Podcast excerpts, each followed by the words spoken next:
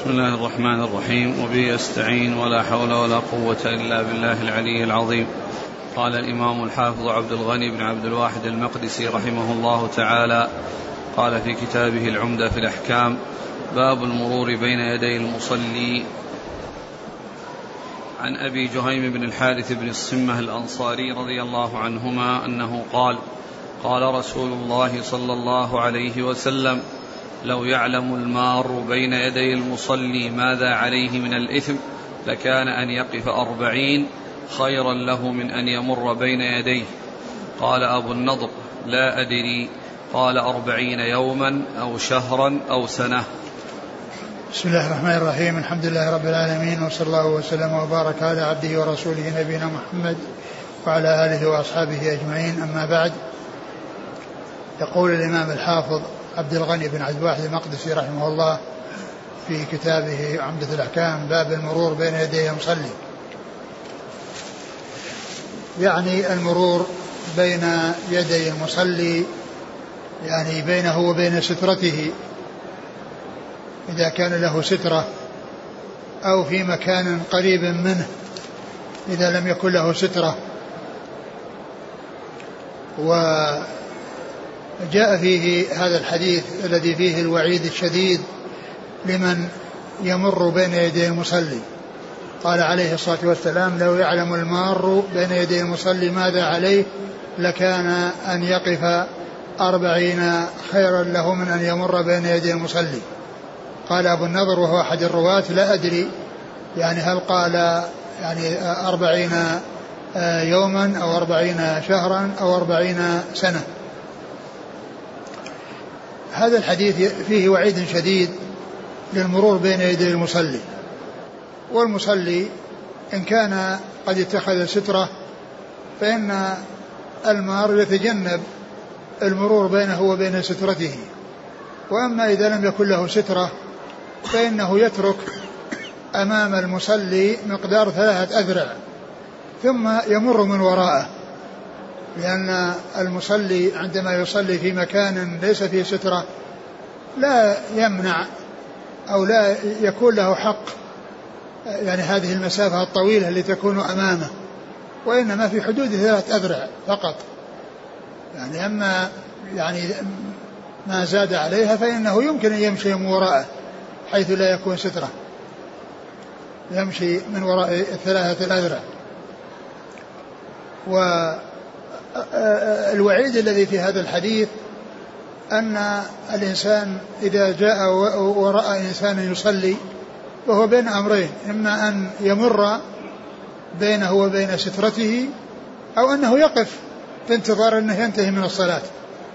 أنه يقف في انتهاء انتظار أنه يعني ينتهي من صلاته.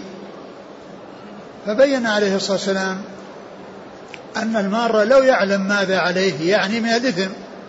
يعني كلمة من الإثم هذه ليست في الصحيحين وإنما يعني جاء زيادة.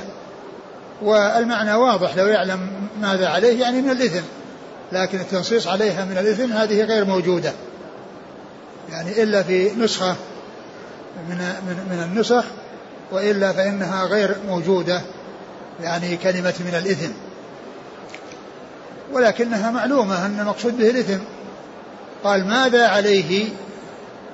يعني لكان أن يقف في انتظار عدم المرور في انتظار انتهائه وألا يعني يمر بين يديه. خير له من أن يقف. يعني وقوفه مدة قصيرة من أجل أن يتجنب المرور بين يديه. خير له من أن يقف أربعين يوما أو أربعين شهرا أو أربعين سنة. كونه واقف هكذا. لأن وقوفه يعني زمن يسير متعب. فيه تعب. حتى لو وقف ربع ساعة أو عشر دقائق. مع أن المصلي في صلاته لا يمكن الصلاة الصلاة صلاة الجماعة في الإمامة يعني ما تصل إلى عشر دقائق. ما تصل إلى عشر دقائق. فهو يعني لو يعلم ماذا عليه يعني من الإثم لكان أن يقف ويسلم من المرور بحيث أن المصلي ينتهي من صلاته ثم يمر. خير له من أن يقف أربعين, يو أربعين يعني إما أن تكون أربعين يوما أو أربعين شهرا أو أربعين سنة. يعني أربعين يوم يعني هذه سهلة وهي أقل أقل الاحتمالات الثلاثة. بل أربعين دقيقة دقيقة ما هي سهلة. مع أنه لا يحتاج إلى عشر دقائق. لا يحتاج إلى أن يقف إلى عشر دقائق. والحاصل أن الإنسان يتجنب المرور بين يدي المصلي للسلامة من الإثم الذي هذه عقوبته لو يعلم لو يعلم يعني هذه العقوبة يعني وحقيقتها لكان أن يتخلص من المرور بمكثه في انتظار الفراغ من الصلاة خير له. هذه يعني هذه المدة الطويلة خير له من أن يمر بين يدي المصلي وهذا فيه لا شك تحذير وترهيب شديد من المرور بين يدي المصلي نعم.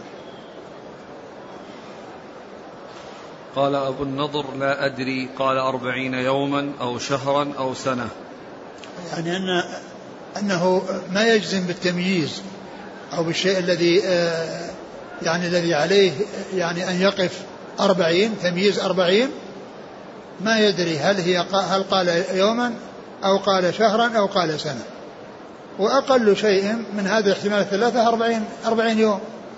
هذه أربعين يوم مسافة طويلة. بل أربعين دقيقة أيضا مسافة مي سهلة. نعم. عن أبي سعيد الخدري رضي الله عنه قال سمعت النبي صلى الله عليه وسلم يقول إذا صلى أحدكم إلى شيء يستره من الناس فأراد أحد أن يجتاز بين يديه فليدفعه فإن أبى فليقاتله فإنما هو شيطان.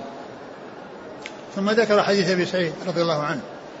قال إذا صلى أحدكم إلى شيء يستره يعني إلى ستره. يعني كان عمود أو جدار أو يعني آه، عنزة عصا مغروزة في الأرض أو أي شيء يجعله سترة له فأراد أحد أن يمر بين يديه فإنه يعني يرده يعني بالتي بما هو أسهل وبما هو أخف. بمعنى أن يمد, يمد يده حتى يتنبه قد يكون ذاهل. قد يكون ذاهل هذا الذي يريد أن يمر. فإذا وجد اليد أمامه فإنه يتنبه فإذا مد يده ولم يقف أو لم يمتنع بل أراد أن يمر مع أنه مد يده فإنه يدفع بقوة. فإنه يدفع بقوة. ولهذا قال فإن أبى فليقاتله فإنما هو شيطان. يعني أن هذا العمل الذي كونه يركب رأسه ويريد أن يمر مع أنه نبه فلم يتنبه وأصر على أن يمر فإنه آه، فعله هذا من فعل الشياطين. ومعلوم أن الإنس يعني من يكون منهم بهذا الوصف الذي يكون مخالف للسنة ويكون مخالف لما جاء بالرسول صلى الله عليه وسلم هذا من صفات الشياطين. والشياطين كما هو معلوم يكونون من الإنس ومن الجن. فالجن فيهم شياطين والإنس فيهم شياطين. والذي يتعمد المخالفة ويقع في المعصية ولا يستجيب للتنبيه وإنما يعزم على أن يخالف وأن يقع في آه، معصية الرسول صلى الله عليه وسلم فإن فإنه شيطان. يعني فليقاتل لكنه لا يقاتله يعني بمعنى أنه يكرر دفعه ويكرر أو, أو أنه يتبعه أو أنه إذا مر يروح يعمل على أنه يرجعه. وإنما يمنعه عند وصوله ولو أدى ذلك إلى الدفع القوي. أدى ذلك إلى الدفع القوي. نعم. قوله إذا صلى أحدكم إلى شيء يستره هل له مفهوم؟ إذا لم يصلي إلى شيء يستره فليس له أن يدفع؟ آه لا لا ليس له أن يدفع. لا, لا له يدفع إذا كان قريبا منه. إذا كان قريبا منه له أن يدفع لكن إذا كان بعيدا عنه فليس له أن يدفع لأنه لا يملك المسافة الطويلة التي أمامه. لكن لو أراد يعني ينبه لأن الإنسان قد يكون ذاهل وإذا لم يكن له سترة أيضا قد يكون ما هو متنبه والسترة تنبه. المار أن فيه مصلي وأن هذه سترته لكن الإنسان يتجنب هذا وهذا. وهو يمنع. وإن كان مقصرا الذي هو المأموم الذي الرجل الذي يصلي ولم يتخذ سترة وجاء الناس يمرون بين يديه لكن الأمر أخف ممن له سترة وأراد أن يمر. ولكن الكل يدفع الكل يمنع. نعم. وما حكم المرور بين يدي المصلي في الحرمين؟ الأصل أنه لا فرق بين الحرمين وغيرهما. ولكن إذا كان هناك يعني زحام شديد والإنسان مضطر إلى أن يعني يتجاوز ولا يستطيع أن يصبر لضرورة اقتضى ذلك فإنه لا بأس أن يمر. هل يجوز جعل الحذاء سترة؟ لا ما يصلح أن تكون الحذاء سترة. يعني ما يجعل الحذاء سترة يجعل أمامه حذاء يتخذه سترة له. نعم. ما ينبغي هذا. وعن عبد الله بن عباس رضي الله عنهما أنه قال أقبلت راكبا على حمار أتان وأنا يومئذ قد ناهزت الاحتلام ورسول الله صلى الله عليه وسلم يصلي بالناس بمنى إلى غير جدار فمررت بين يدي بعض الصف فنزلت فأرسلت الأتان ترتع ودخلت في الصف فلم ينكر ذلك علي أحد. ثم ذكر حديث ابن عباس انه جاء على حمار اتان وقد ناهز الاحتلام أي أنه قريب بلغ أو قريب من البلوغ وذلك وكذا وذلك لحجة الوداع وكان وكانت قبل وفاة الرسول صلى الله عليه وسلم بما يقرب من ثمانين يوما يعني ما يقرب من ثلاثة أشهر لأن الرسول صلى الله عليه وسلم بعد حجة الوداع توفي. بعد مقدار ثمانين يوما تقريبا. فكان ابن عباس رضي الله عنه قد ناهز البلوغ قد بلغ أو ناهز البلوغ يعني أنه قريب منه. ومعلوم أن من كان غير بالغ يعني ليس مثل الذي كان بالغا من ناحية المؤاخذة. و يعني لأن غير البالغ مرفوع عنه القلم والبالغ جرى عليه القلم.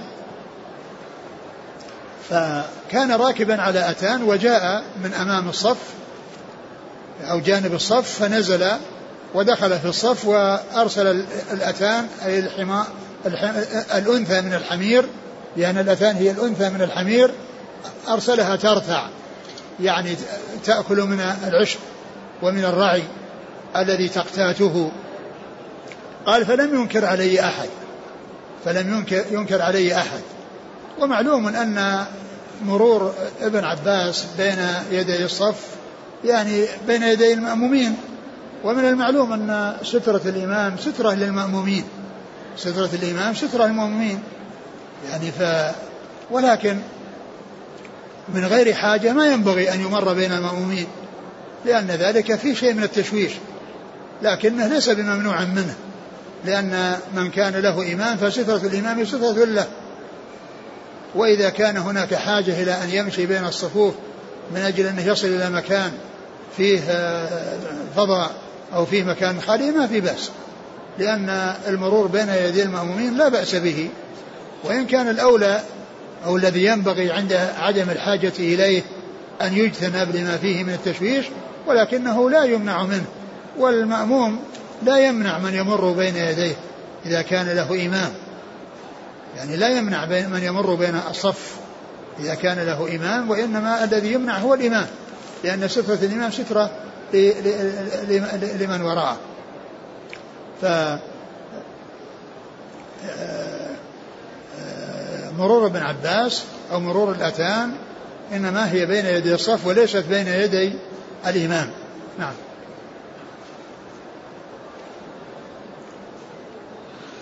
وعن عائشة رضي الله عنها أنها قالت كنت أنام بين يدي رسول الله صلى الله عليه وسلم ورجلاي في قبلته فإذا سجد غمزني فقبضت رجلي فإذا قام بسطتهما والبيوت يومئذ ليس فيها مصابيح. ثم ذكر حديث عائشة رضي الله عنها أنها كانت تعترض بين يدي الرسول صلى الله عليه وسلم وهو يصلي وذلك لضيق المكان فكان فكانت والحجرة فيها ظلام لأن ليس فيها إضاءة لأنها قال اعتذرت عن ذلك لأن البيوت ليس فيها مصابيح لأنها ما ترى الرسول صلى الله عليه وسلم إذا أراد أن يسجد حتى تكفها قبل سجوده وإنما تكفها عندما يغمزها أو عندما يلمسها بيده لتكفها فإذا قام وانتهى من السجود مدتها. فتقول عائشة رضي الله عنها أنها كانت تعترض. وهذا يدل على أن أن كون أن المرور غير الاعتراض وغير الجلوس يعني كونه أمام أحد جالس لأن هذا غير هذا وإنما الممنوع هو المرور. ولهذا عائشة رضي الله عنها كانت تجعل رجليها أمام رسول الله صلى الله عليه وسلم وهو في الصلاة. فيغمزها الرسول صلى الله عليه وسلم فتكف رجليها فتكف رجليها فدل هذا على أن حكم المرور أو كون إنسان يمد يده يعني من من أمام مصلي أن ذلك ليس من المرور ليس من المرور. فإذا كان هناك حاجة تدعو إلى أن يكون إنسان يعني أمامه أحد معترض فإن ذلك ليس مثل المرور لأن الممنوع هو المرور وهذا ليس من المرور ففعل عائشة هذا رضي الله عنها يدل على أن فعلها ليس من المنهي عنه. والرسول عليه الصلاة والسلام أقرها على ذلك. وما قال لها أنه ليس لها ذلك وأنه لا يجوز لها ذلك. ثم أيضا قولها والبيوت يومئذ ليس فيها مصابيح يعني دال على أن يعني أن السبب الذي يجعلها تمد رجليها لأن ولا تكفهما إلا بأن يغمزها عليه الصلاة والسلام بيده آه، لأنها لا ترى بسبب الظلام. ويدل على ما كان عليه رسول الله صلى الله عليه وسلم من آه، من قلة ذات اليد ومن عدم الانبساط والتوسع في أمور الدنيا لأن البيوت ليس فيها مصابيح. وكذلك أيضا يدل على أن يعني ما يفعله بعض الجهال بعض يزعمه بعض المتصوفة من أن الرسول صلى الله عليه وسلم لا ظل له وأنه إذا كان يمشي في الشمس ما له ظل لأنه نور يقابل النور. كل هذا من الأشياء التي ليس لها أساس. ومحبة الرسول صلى الله عليه وسلم لا تكون بإضافة شيء إليه يعني لا حقيقة له ولا أصل له وإنما تكون باتباعه والسير على منهاجه والامتثال لأوامره والاجتناب لنواهيه لنواهيه صلوات الله وسلامه وبركاته عليه. فقولهم أنه نور يعني هو نور نعم يعني جعله الله نورا ولكنه يعني ليس مثل النور الحسي الذي يعني لا يحتاج معه إلى إضاءة لا يحتاج معه إلى إضاءة بل نوره نور معنوي ونور حقيقي لكنه ليس آه، على ما يقولون من أنه إذا مشى في الشمس ما يطلع له ظل لأنه يقابل الشمس. نوره يقابل نور الشمس فلا يكون له ظل. فهذا كله من التكلف وهذا من الغلو الذي لا لا يرضاه الرسول صلوات الله وسلامه وبركاته عليه. وكذلك مثله الحديث الذي فيه أنه آه، فقد امرأة أو رجلا كان ينظف المسجد فدفنوه في الليل ولم يعلموا به الرسول صلى الله عليه وسلم فلما علم قال لماذا لم تؤذنوني؟ قال إن كانت كانت الليلة ظلمة وكرهنا أن, أن نشق عليك. كانت الليلة ظلمة أو كان في ظلام وكرهنا أن نشق عليك. فهذا يبين أن الواجب هو آه، أن تكون محبة الرسول عليه الصلاة والسلام في قلب كل مسلم أعظم من محبته لنفسه وأبيه وأمه والناس أجمعين لقوله صلى الله عليه وسلم لا يؤمن أحدكم حتى أكون أحب إليه من والده وولده والناس أجمعين. ولا تكون محبته صلى الله عليه وسلم بالغلو فيه وبإضافة أشياء إليه ليس لها أساس وإنما تكون باتباعه كما قال الله عز وجل قل إن كنتم تحبون الله فاتبعوني يحببكم الله ويغفر لكم ذنوبكم والله غفور رحيم. نعم.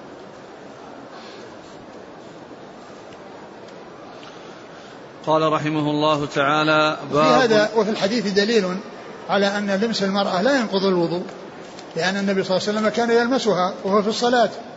يعني يضع يعني يغمزها بيده عليه الصلاة والسلام. نعم. قال رحمه الله تعالى باب جامع. عن أبي قتادة بن ربعي الأنصاري رضي الله عنه أنه قال قال رسول الله صلى الله عليه وسلم إذا دخل أحدكم المسجد فلا يجلس حتى يصلي ركعتين. ثم قال باب جامع أي جامع لموضوعات متفرقة.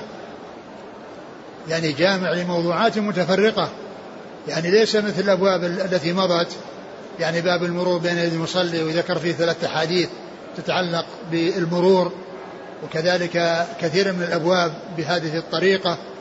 وسبق مر بنا أنه قال باب في المذي وغيره وذكر أشياء أخرى يعني ليس لها علاقة بالمذي ولكنها داخلة تحت هذه هذا العطف بقوله غيره. هنا قال باب جامع يعني جامع لموضوعات متفرقة تتعلق بالصلاة. ثم ذكر حديث آه، حديث أبي قتادة الأنصاري رضي الله عنه أن النبي صلى الله عليه وسلم قال إذا دخل أحد في مسجد فلا يجلس حتى يصلي ركعتين. إذا دخل أحد في مسجد فلا يجلس حتى يصلي ركعتين. يعني معناها أنه يصلي تحية المسجد. لأن تحية المسجد أن يصلي في ركعتين قبل أن يجلس. وهنا قال عليه الصلاة والسلام إذا دخل في المسجد فلا يجلس حتى يصلي ركعتين يصلي ركعتين وقوله ركعتين لها مفهوم من حيث القلة فإنه لا يصلي ركعة واحدة. يعني لا يصلي أقل من ركعة من ركعتين. لا حتى يصلي ركعتين يعني لا أقل منها. لأن الأقل منها إنما يكون في الوتر فقط. لا يصلى ركعة واحدة إلا في الوتر. يعني هي التي يكون فيها يعني الاتيان بركعة واحدة. أما بالنسبة للصلوات فإن أقلها اثنتان. ولكن لا مفهوم له في الزيادة. لو أراد أن يصلي أربع أو يصلي ست ثنتين ثنتين ثنتين ما في بأس ليس معنى ذلك أنه يزيد على ثنتين. فلا مفهوم له من حيث الزيادة وله مفهوم من حيث القلة. يعني لا ينقص عن اثنتين يعني وله أن يزيد على اثنتين. يعني وله أن يزيد على اثنتين. فلا مفهوم له من حيث الزيادة فللإنسان يصلي اثنتين أو يصلي أربع أو يصلي ست أو يصلي ثمان يصلي ما شاء. ولكنه لا يصلي أقل من ركعتين لأنه لا يتقر لا يتنفل يعني بركعة واحدة في غير الوتر. لا يتنفل بركعة واحدة في غير الوتر. إذا دخل أحد المسجد وكلمة المسجد هذه لفظ عام. المسجد يعني يشمل أي مسجد لأن الألف واللام للاستغراق. أي لجميع المساجد. أي مسجد يدخله الإنسان لا يجلس حتى يصلي ركعة. إذا دخل المسجد إذا دخل أحدكم المسجد أي مسجد. والألف واللام تأتي للعموم. الألف واللام تأتي للعموم. كما أن الإضافة أيضا المفرد إذا أضيف إلى معرفة يعني يفيد العموم. مثل وإن تعدوا نعمة الله لا تحصوها. أي نعم الله. إذا دخل المسجد أي مسجد أي مسجد من المساجد. فهو يفيد العموم. فلا يصلي فلا يجلس حتى يصلي ركعتين يعني أنه آه، يقوم بأداء آه، آه، الركعتين قبل أن يجلس. وإذا كان دخوله في أوقات النهي التي هي بعد العصر حتى تغرب الشمس وبعد الفجر حتى تطلع الشمس فقد اختلف في هل يصلي أو لا يصلي. فمن العلماء لأنه تعارض عمومان. عموم يتعلق بجميع الصلوات وعموم يتعلق بالنسبة للأوقات. يعني لا صلاة بعد العصر أي صلاة. فلا يجلس حتى يصلي يعني معناه لا جلوس إلا بصلاة. فإذا دخل بعد العصر أو بعد المغرب فمن العلماء من يغلب جانب لا حديث لا صلاة لا صلاة بعد العصر حتى تغرب الشمس. ولا صلاة بعد الفجر حتى تطلع الشمس. ومنهم من يغلب جانب فلا يجلس حتى يصلي ركعتين يعني في جميع الأوقات سواء في أوقات النهي أو في أوقات النهي. والذي يظهر أنه لا ينكر على من جلس ولا على من صلى. يعني من جاء في أوقات النهي بعد العصر لا ينكر على من جلس لأن معه دليل ولا ينكر على من صلى لأن معه دليل. نعم.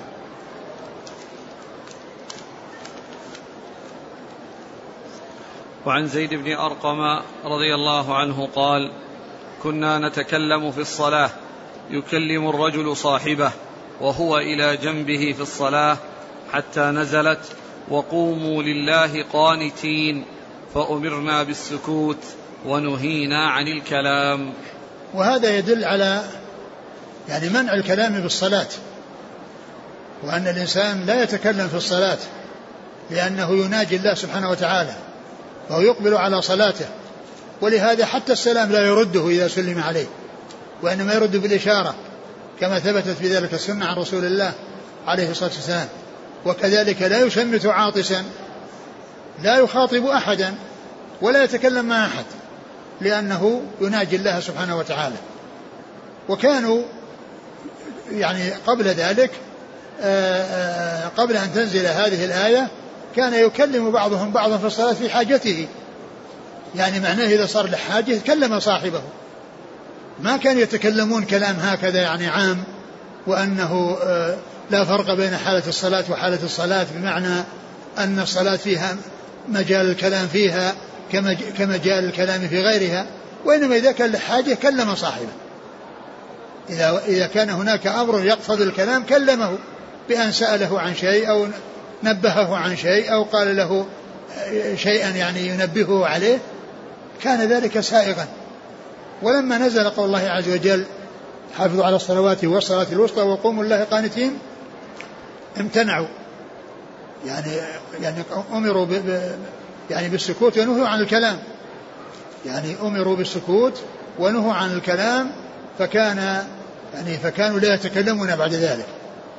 وهذا يعني يدل على استسلامهم وانقيادهم لما يؤمرون به وينهون عنه لأنه من حين ما نزل نزلت هذه الآية يعني امتنعوا وقالوا أمرنا بالسكوت ونهينا عن الكلام. الذي كان سائغا لهم والذي كان جائزا لهم منعوا منعوا منه. وذلك أن الصلاة آه، مناجاة لله عز وجل وإقبال على الله فلا يتشاغل الإنسان عنها بشيء. فلا يتشاغل الإنسان عنها بشيء. كما أن الخطبة يوم الجمعة جاء أحاديث تدل على العناية بها والاهتمام بها وأن الإنسان لا يكلم أحدا ولا يتكلم وأن بل يعني يعني لا يقول لأحد اسكت إذا كان يتكلم يعني سمع كلامه ويعني ولا يأمر معروف ولا ينهى عن المنكر في حال الصلاة. يعني يعني يعني شاف أحد حصل من شيء فيروح ينبهه وإنما ينبهه بعد ذلك ويعلمه بعد ذلك. وإذا كان يعني حصل يعني إن حصل إشارة يعني فإنه لا بأس بذلك. وكذلك أيضا لا يعبث بالحصى. فإذا الكلام يعني ممنوع في الصلاة وأيضا في حال الخطبة. يعني في حال الخطبة يوم الجمعة كما جاءت بذلك السنة عن رسول الله صلوات الله وسلامه وبركاته عليه. وعن عبد الله بن عمر وأبي هريرة رضي الله عنهم عن النبي صلى الله عليه وسلم أنه قال إذا اشتد الحر فأبردوا عن الصلاة فإن شدة الحر من فيح جهنم. ثم أورد هذا الحديث إذا اشتد الحر فأبردوا عن الصلاة فإن الحر من فيح جهنم. وكان هذا يعني كان مناسبا في أوقات الصلاة. يعني المكان المناسب لهذا الحديث أن يكون في أوقات الصلاة. الذي آه الذي سبق أن مر وهو أول باب في كتاب الصلاة لأنه ذكر مواقيت الصلوات مواقيت الظهر والعصر والمغرب والعشاء والفجر فهذا يتعلق بالمواقيت. فمحله المناسب أن يكون في المواقيت. يعني بعد الحديث الذي فيه أن النبي صلى الله عليه وسلم كان يصلي بالهاجرة أي في شدة الحر وفي أول دخول في دخول الوقت. هذا الحديث هو يعني يتعلق بذلك الباب. ولكن المصنف رحمه الله أورده في الموضوعات المتفرقة. في هذا الباب الجامع المشتمل على موضوعات متفرقة. إذا اشتد الحر فأبردوا عن فأبردوا عن الصلاة. يعني إذا كان فيه حرارة شديدة وذلك أن شدة الحر تكون في وسط النهار عند الزوال. ف فإذا حصل الزوال ووجد الفيء وراح مضى وقت بعد الزوال خفت حدة الشمس. ليس معنى ذلك أن تذهب الحرارة. الحرارة باقية ولكن تذهب الشدة. وعظم الحرارة وشدة الحرارة هذا هو الذي يحصل به. قد يشتد الحر فأبردوا يعني ادخلوا في وقت البراد. أو أخروها إلى وقت البراد أي البراد في الجملة. ليس البراد الذي يعني يصير معه حرارة. ليس البراد الذي ليس معه حرارة أصلا ولكنها حرارة أخف. أبردوا يعني أنه يدخل في البراد. وهذا يعني يتعلق بالزمان. يعني أبرد يعني دخل في وقت البراد. كما يقال في الأماكن أنجد وأتهم إذا دخل في تهامة ومشى في نجد هذا يقال أنجد وأتهم وأغور يعني أنه صار في هذه الأماكن. هنا أبرد يعني صار في زمن البراد أو دخل في وقت البراد بمعنى أنها تؤخر. ثم قال فإن شدة الحر من فيح جهنم يعني أن الحر في الحرارة يعني فيها ضرر على الناس وهي من فيح جهنم. وقد قال بعض أهل العلم إن ذلك تشبيه وأن حرارة جهنم كأنما أنها حارة فإن الشمس يعني فيها حرارة.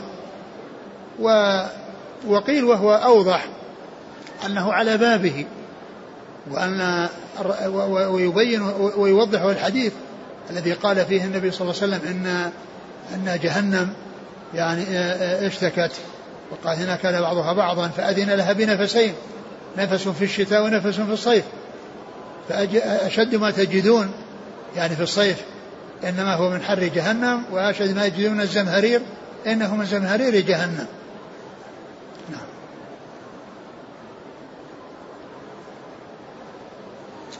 وعن أنس بن مالك رضي الله عنه عن النبي صلى الله عليه وسلم أنه قال من نسي صلاة فليصلها إذا ذكرها لا كفارة لها إلا ذلك أقم الصلاة لذكري. ولمسلم من نسي صلاة أو نام عنها فكفارتها أن يصليها إذا ذكرها. ثم ذكر هذا الحديث عن النبي صلى الله عليه وسلم أنه قال من من من نسي صلاة فليصليها إذا ذكرها. من نسي صلاة فليصليها إذا ذكرها. لا كفارة لها إلا ذلك. وفي رواية من نسي صلاة أو نام عنها فليصليها إذا ذكرها. لا كفارة لها إلا ذلك. يعني أن الإنسان الواجب عليه أن يكون شأنه المحافظة على الصلوات في أوقاتها. كما قال الله عز وجل حافظوا على الصلوات والصلاة الوسطى. وقال وقال أن الصلاة كانت على المؤمنين كتابا موقوتا أي مفروضا في الأوقات. فيحافظ الإنسان على الصلوات وأنه لا يؤخرها عن أوقاتها. وان وأن من كان نائما ولم يكن هذا من عادته أو كان ناسيا فإنه معذور. ربنا لا تؤاخذنا إن نسينا أو أخطأنا. أما إذا كان من شأنه أنه لا يبالي بالصلاة وأنه ينام عنها فإن هذا غير معذور. لأن لأنه ما عمل بالأسباب أو أخذ بأسباب التي بها يقوم للصلاة بأن يجعل له ما ينبهه أو يعني يوصي من يوقظه. فإذا كانت هذه عادته وهذه طريقته فهذا يعني آثم وحاصل الإثم وأما من كان ناسيا أو كان نائما فإنه معذور وليس بآثم. ولكن هذا النائم وهذا الناسي الواجب عليه أنه يبادر إلى قضاء تلك الصلاة التي نام عنها أو نسيها. يبادر إليها فلا يؤخرها يصليها في أي وقت قام. يعني ولو كان في أوقات النهي. لو كان بعد العصر وبعد بعد الفجر فإنه يصليها لأنه قال إذا ذكرها أي الوقت الذي يحصل ذكره إياها أو استيقاظه وتنبهه أنه نام عن الصلاة. استيقاظه وتنبهه أنه نام عن الصلاة فإن عليه المبادرة. ثم قال وأقم الصلاة لذكري. ومعلوم أن هذه الآية إنما هي في قصة موسى عليه الصلاة والسلام. إنما هي في قصة موسى عليه الصلاة والسلام. ولكن يعني آه، ولكن يعني معناها يعني آه، صالح كما هو في الشريعة السابقة. فأيضا هو في هذه الشريعة أن الإنسان إذا ذكر الصلاة فإنه يصليها إذا كان نسيا لها. وكذلك أيضا ما فيها من ذكر الله عز وجل والإقبال عليه سبحانه وتعالى. من نسي صلاة أو نام عنها فليصليها إذا ذكرها. لا كفارة لها إلا ذلك. ليس معنى ذلك أن أنه قد ارتكب جرما هذا يكفره. لأن لأن هذا معذور. الناس معذور. رفع عنه الخطأ رفع عن رفع الله عن أمة محمد صلى الله عليه وسلم الخطأ والنسيان. وقال ربنا قال الله عز وجل ربنا لا تؤاخذنا إن نسينا وأخطأنا. فالنسيان يعني معذور الإنسان فيه. لا يكلف الله نفسا إلا وسعها. لا يكلف الله نفسا إلا وسعها. فهو معذور. ولكن الواجب عليه أن يبادر إلى أن يأتي بتلك الصلاة. فكأن الشيء الذي يلزمه والشيء الذي هو عليه المبادرة الإتيان بها وليس معنى ذلك أن أنه أذنب ذنبا فإن هذه كفارة له لأن لأنه معذور في نسيانه ومعذور في نومه إذا كان غير يعني يعني غير آه، آه، معرض نفسه لأن ينام أو يعني يكثر منه النوم أو يكثر منه النوم عن الصلاة يعني كأن يسهر في الليل ثم يأتي وقت الفجر وهو يعني مستغرق في النوم فتفوته الصلاة ليس هذا معذور بل هذا آثم لأنه أقدم على شيء فيه تفريط. وأما ذاك ليس مفرط كما قال النبي صلى الله عليه وسلم ليس في النوم تفريط. ليس في النوم تفريط وإنما التفريط أن يؤخر الصلاة حتى يأتي وقت الصلاة التي بعدها. نعم. من أخر الصلاة عن وقتها عامدا حتى خرج الوقت. هذا اختلف فيه العلم منهم من قال بأنه لا يقضي وأن ذلك لا يفيده ولا ينفعه وأن عليه أن يتوب الله عز وجل ويحسن في المستقبل ومنهم من قال إنه يقضي. ومنهم من قال إنه يقضي ويتوب ويستغفر الله عز وجل. نعم. وعن جابر بن عبد الله رضي الله عنهما أن معاذ بن جبل رضي الله عنه كان يصلي مع رسول الله صلى الله عليه وسلم عشاء الآخرة. ثم يرجع إلى قومه فيصلي بهم تلك الصلاة. ثم ذكر حديث معاذ بن جبل رضي الله عنه أنه كان يصلي مع رسول الله صلى الله عليه وسلم صلاة العشاء ثم يذهب إلى قومه ويصلي بهم تلك الصلاة. يعني فيكون إماما لهم هو مفت... هو متنفل وهم مفترضون. وهذا يدل على أنه يجوز ويصح للمفترض أن يصلي خلف المتنفل لأن لأن معاذ لأن هذا كان بعلم رسول الله صلى الله عليه وسلم. وكان قد شكي أنه كان يطيل الصلاة. والرسول قال أفتان أنت يا معاذ. فكان يجمع بين الفضيلتين. فضيلة أنه يصلي مع النبي صلى الله عليه وسلم في مسجده ويحصل الأجر العظيم. وفضيلة أنه يحسن إلى قومه بأن يؤمهم في الصلاة. بأن يؤمهم في الصلاة. فهذا يدل على صحة صلاة ائتمام المفترض بالمتنفل كما أن عكسه جائز من باب أولى وقد جاء في ذلك الحديث عن رسول الله عليه الصلاة والسلام أنه لما صلى في مسجد الخيف صلاة الصبح فرأى رجلين جالسين في ناحية المسجد فأمر بهما فجاء ترتعد فرائصهما. خوفا ما لا يدرون إيش الذي حصل؟ وما الذي آه يعني دعاهم النبي صلى الله عليه وسلم من أجله وخشوا أن يكون هناك أمر خطير يعني حصل لهم. فقال ما لكما لم تصليا قال إنا صلينا في رحالنا. فجاءوا وجلسوا يعني في ناحية المسجد لأنهم قد صلوا. فالرسول عليه الصلاة والسلام قال إذا صليتما في رحالكما وأتيتما والإمام يصلي لم يصلي فصلي معه تكن لكما نافلة أتيتما والإمام لم يصلي فصلي معه تكن لكما نافلة فحديث معاذ يدل على صلاة المفترض خلف المتنفل. وحديث والحديث صلاة النبي صلى الله عليه وسلم الفجر في مسجد الخيف وقصة الرجلين اللذين دعا بهما ترتعد فرسهما تدل على صلاة المتنفل خلف المفترض. ومما يدل أيضا على صلاة المفترض خلف المتنفل أن من من من من صفات صلاة الخوف أن النبي عليه الصلاة والسلام قسم أصحابه إلى مجموعتين. مجموعة صلى بهم ركعتين وسلم. ثم جاءت المجموعة الثانية وصلى بهم ركعتين وسلم. فصلاته هو عليه الصلاة والسلام إنما هي الأولى. وصلاته الثانية بالمجموعة الثانية نافلة. وصلاته في المجموعة الثانية نافلة.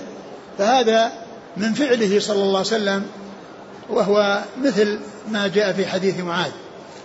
مثل ما جاء في حديث معاذ. وكذلك يجوز أن يصلي المفترض خلف المفترض. أيضا المفترض خلف المفترض. بأن يأتي الإنسان يعني آه، عليه الظهر والناس يصلون العصر يدخل معهم بنية الظهر. وإذا فرغوا صلى معهم العصر. وإذا فرغوا أو فرغ من الصلاة صلى معهم العصر. فإذا آه، اختلاف النية في مثل ذلك لا بأس به ولا يؤثر لأن ذلك جاءت به السنة عن رسول الله عليه الصلاة والسلام. صلاة المتنفل المفترض خلف المتنفل جاءت من فعله وجاءت أيضا من من من من, من فعل معاذ رضي الله عنه الذي كان علم به وأقره. والعكس جاء في قصة الرجلين الذين صلى يعني آه اللذان جاء في مسجد الخير. وأما المفترض خلاف المفترض فإن الصلاة متماثلة الصلوات متماثلة. وإذا كان الشيء الغير متماثل يعني حصل فيه جواز هذا وهذا فإن هذا أولى من قصة آه، افتراء صلاة المفترض خلف المتنفل. كون المفترض يقتدي بالمفترض يعني أسهل وأخف من كون المفترض يقتدي بالمتنفل. نعم.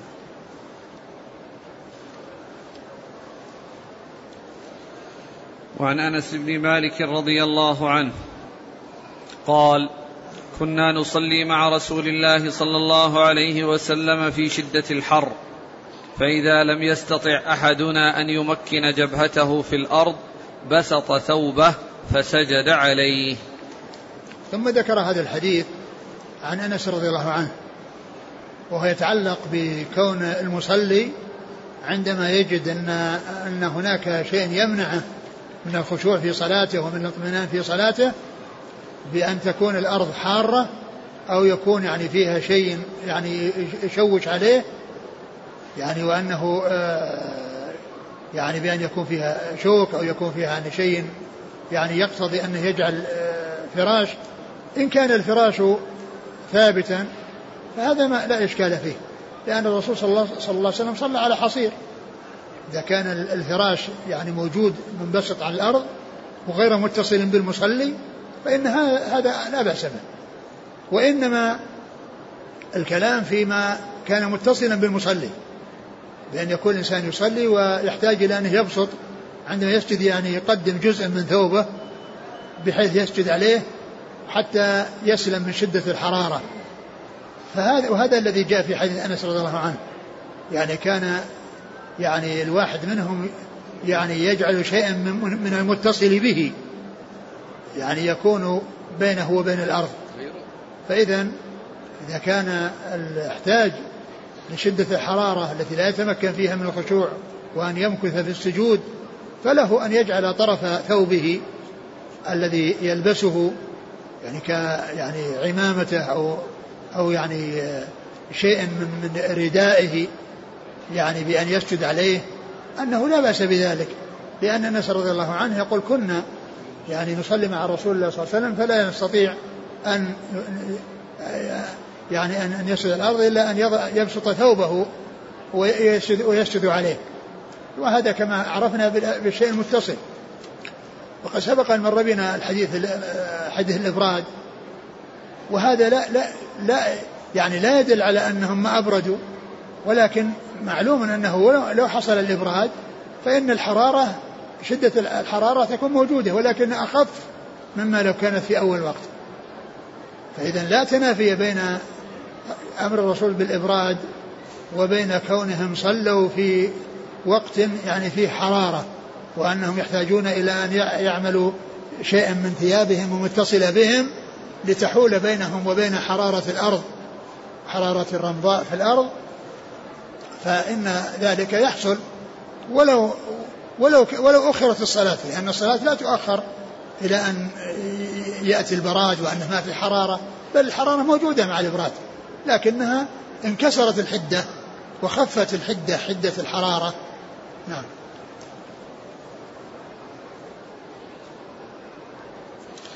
وعن أبي ثم أيضا مثل هذا العمل يعني لا يؤثر في الصلاة يعني كونه يعني يعمل ثوبه يعني يأخذه ويجعله تحته كلما سجد يعني عمل هذه الحركة لا بأس بذلك. نعم. وعن أبي هريرة رضي الله عنه قال قال النبي صلى الله عليه وسلم لا يصلي أحدكم في الثوب الواحد ليس على عاتقه منه شيء. آه ثم ذكر هذا الحديث عن أبي هريرة لا يصلي أحدكم في الثوب الواحد ليس على عاتقه منه شيء. لأن الإنسان قد يصلي بثوبين يعني إزار ورداء فالإزار على نصفه الأسفل والرداء على نصفه الأعلى من تحت رأسه. وقد يكون يعني آه، يعني عليه شيء يغطي يعني آه، إزار وعليه شيء يغطي رأسه يعني يغطي رأسه. يعني وكذلك يكون عليه آه، يعني لباس يغطي على جسده ومن ذلك العاتقان. والنبي صلى الله عليه وسلم أرشد إلى أن الإنسان عندما يصلي في ثوب واحد يجعل على عاتقه منه شيء. يعني بحيث يكون ستر عورته وستر أيضا يعني شيئا من جسده الأعلى. ويكون ذلك يعني جزء من الثوب. لا يكفي خيط ولا يعني يعني حبل أو شيء يعني يجعله على عاتقه وإنما يكون شيء من الثوب يعني على عاتقه وهذا حيث أمكن ذلك. وأما إذا لم يمكن فإن الواجب هو ستر العورة. الواجب هو ستر العورة. والإنسان يعني مع قدرته على ذلك بعض العلماء قال إنه لا بأس به ويصلي الإنسان بغير ذلك وبعضهم يقول لا يجوز له أن يصلي إلا وعليه ذلك لكنه يأثم. يعني حيث يعني يكون يعني أنه يجب عليه يعني أنه يغطي عاتقه وهو قادر على ذلك ولم يفعل فإنه يكون آثما لمخالفة الرسول صلى الله عليه وسلم. ومن يقول بأنه لا يلزمه ذلك يقول أنه ليس عليه شيء. ولكن حديث الرسول صلى الله عليه وسلم فيه النهي وفيه بعض الروايات لا يصلين يعني للتأكيد فيحرص الإنسان على أن يفعل هذا الذي أرشد إليه الرسول عليه الصلاة والسلام ما دام قادرا على ذلك. نعم.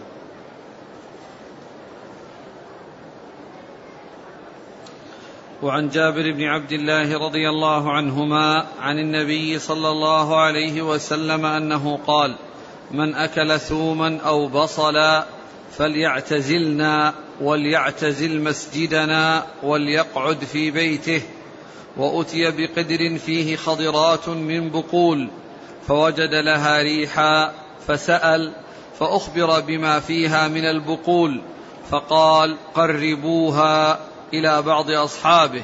فلما رآه كره أكلها قال كل فإني أناجي من لا تناجي. وعن جابر أن النبي صلى الله عليه وسلم قال من أكل البصل والثوم والكراث فلا يقربن مسجدنا.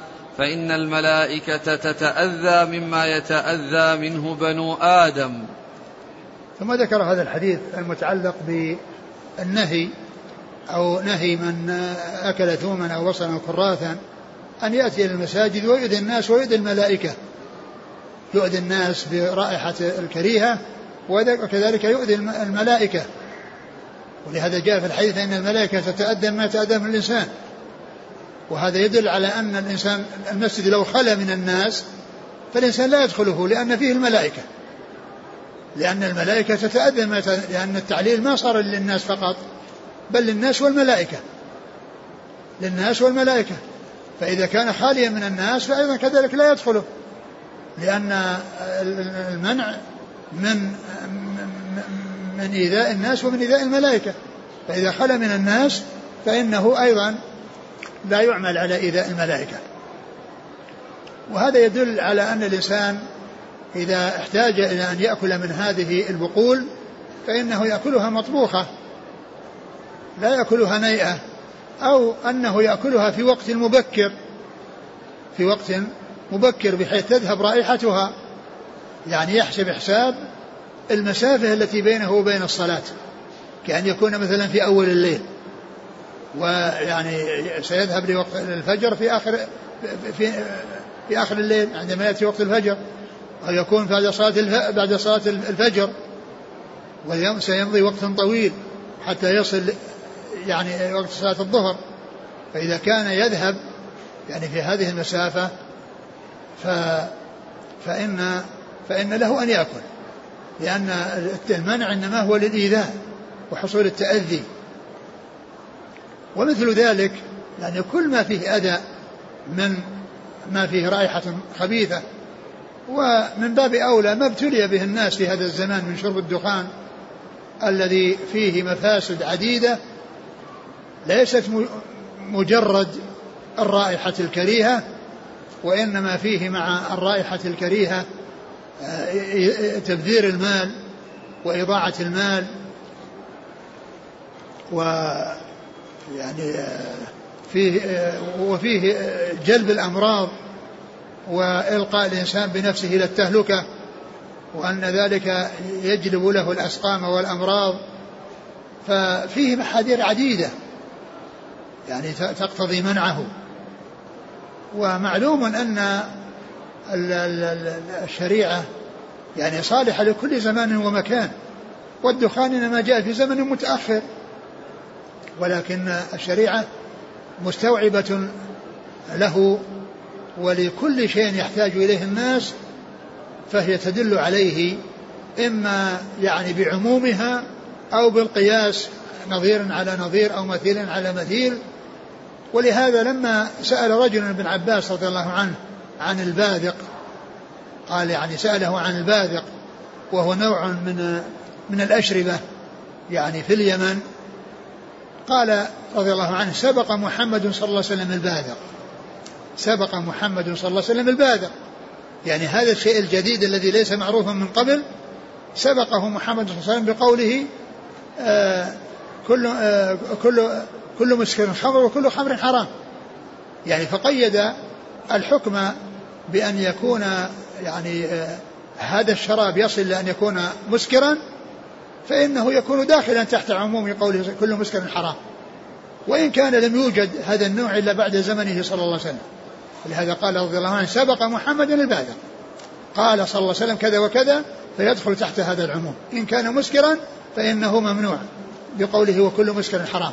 وإن كان غير مسكر فإنه لا بأس به. وإن كان غير مسكر فإنه لا بأس به.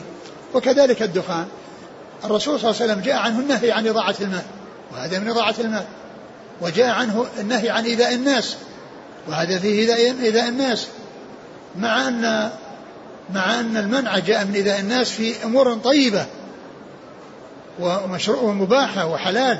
ولكن من أجل رائحتها الكريهة وإيذاء الناس بها منع الأكل يعني منع من أكلها والرائحة فيها أن يأتي.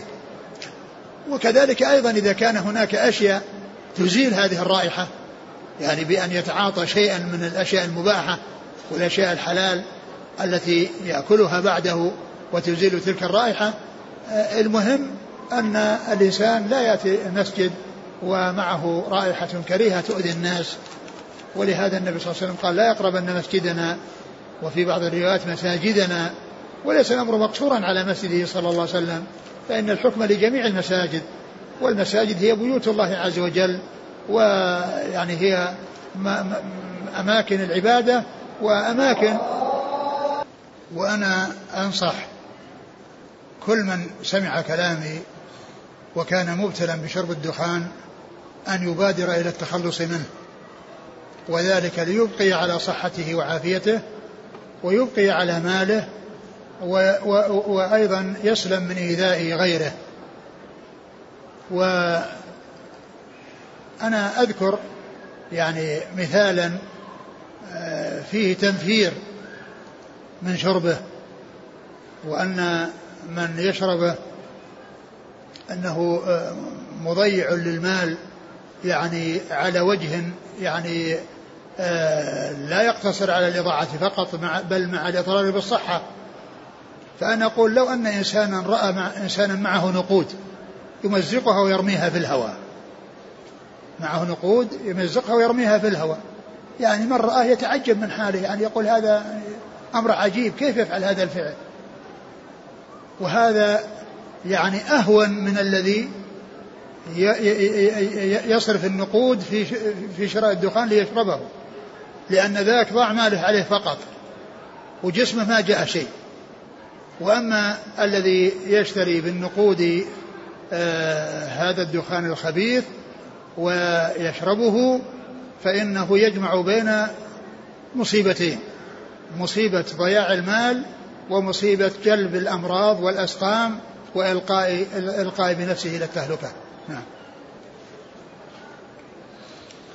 عن جابر أنه قال من أكل ثوما أو بصلا فليعتزلنا وليعتزل مسجدنا وليقعد في بيته. وكذلك أيضا يعني المجامع التي فيها ايذاء الناس يعني أيضا يبتعد عن عنها لكن المساجد آكد لأن المساجد هي أماكن العبادة وهي خير البقاع. كما في صحيح مسلم أن النبي صلى الله عليه وسلم قال خير البقاع أحب البقاع إلى الله مساجدها وأبغض البقاع إلى الله أسواقها. حديث في صحيح مسلم أحب البلاد إلى الله مساجدها وأبغضها إلى الله أسواقها لأن المساجد محل العبادة ومحل الملائكة لأن مجالس لأن المساجد تحضرها يحضرها الآدميون لفعل الطاعات من صلوات وذكر وقراءة قرآن وأيضا تحضرها الملائكة مجالس الذكر تحضرها الملائكة ومجالس الخنا والفجور تحضرها الشياطين. وأتي بقدر فيه خضرات من بقول وأتي بقدر فيه خضرات من بقول. يعني ف وكان هذا في أول الأمر. وقيل أنه في أول ما قدم النبي صلى الله عليه وسلم المدينة. وكان نزل ضيفا على أبي أيوب الأنصاري رضي الله تعالى عنه قبل أن يبنى المسجد مسجد الرسول صلى الله عليه وسلم. فأتي بقدر فيه خضرات فيعني آه لم يأكل. هو قال لي آه يعني لبعض أصحابه أو أرشد إلى بعض أصحابه أن يأكله. فتوقف عن أكله وقال إن, إن أنك لم تأكل. قال كل فإني أناجي من لا تناجي. كل فإني أناجي من لا تناجي. ولكن الحديث هذا الذي فيه من أكل ثوم أو بصلا فلا يقربن مساجدنا فإن الملائكة تأذن ما تأذن الإنسان هذا متأخر. ثم أيضا يمكن أن يكون هذا الذي حصل أنه كان في وقت مبكر وأنه لا يأتي يعني وقت الصلاة وفيه تلك الرائحة. نعم. باب التشهد. نعم. والله تعالى أعلم وصلى الله وسلم وبارك على عبده ورسوله نبينا محمد وعلى آله وأصحابه أجمعين.